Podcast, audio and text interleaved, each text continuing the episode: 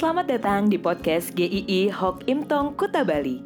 Penginjil Ray Reginaldi akan membagikan renungan harian singkat untuk membawa Anda mengenal dan menyembah Tuhan Yesus, bertumbuh dan menjadi murid Kristus, serta berdampak untuk banyak orang.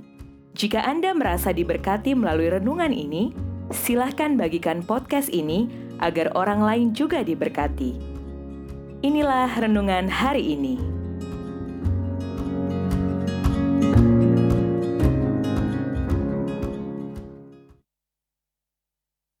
Bukan tentang saya.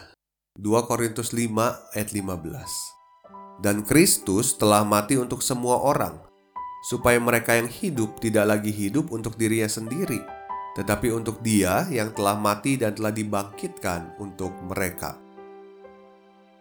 Kadangkala ada orang yang mungkin banyak memikirkan orang lain dalam hidupnya atau berjuang untuk orang lain dengan menahan segala sesuatunya, rasa sakit, rasa lelah, sampai mencapai di titik tertentu, dia sudah menyerah.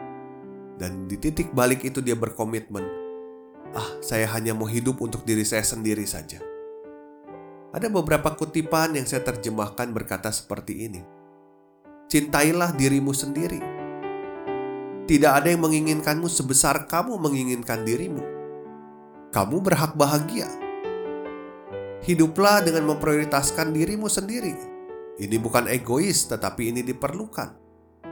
Cintailah dirimu sendiri, maka hidup akan baik-baik saja dan bahagia. Itu beberapa kutipan tentang bagaimana untuk mencintai diri sendiri.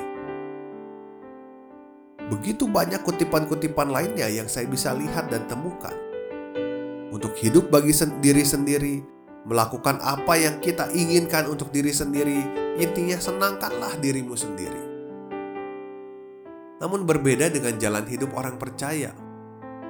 Rasul Paulus mengatakan, "Karena Tuhan Yesus sudah mati untuk kita, maka tidak ada lagi orang percaya yang hidup untuk dirinya sendiri, tetapi untuk Tuhan Yesus." Berarti, hidup yang berpusat untuk diri sendiri adalah itu cara hidup yang lama cara hidup seseorang belum mengenal Tuhan Yesus. Hidup yang memikirkan diri sendiri akan tetap berakhir mengecewakan juga. Karena ada kekosongan dalam hidup ini yang tidak pernah bisa diisi oleh siapa pun juga, termasuk diri kita sendiri, kecuali oleh Tuhan Yesus.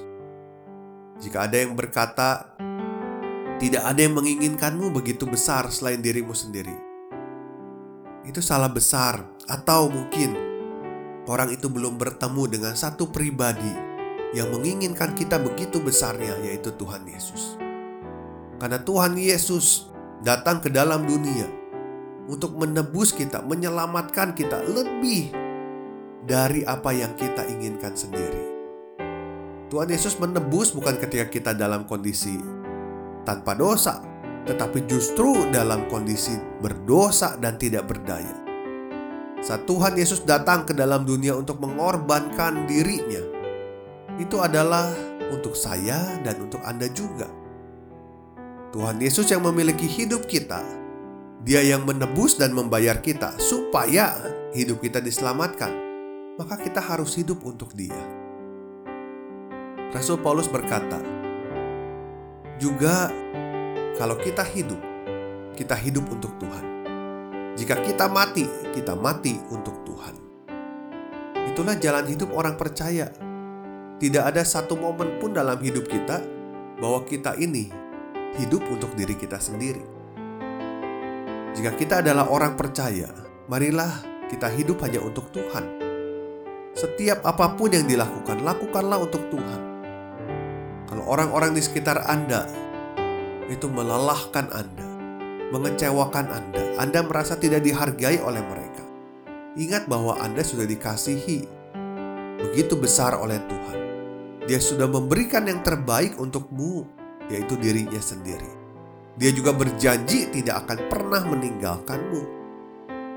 Tuhan memikirkanmu jauh lebih dalam dari apa yang kamu pikirkan tentang dirimu.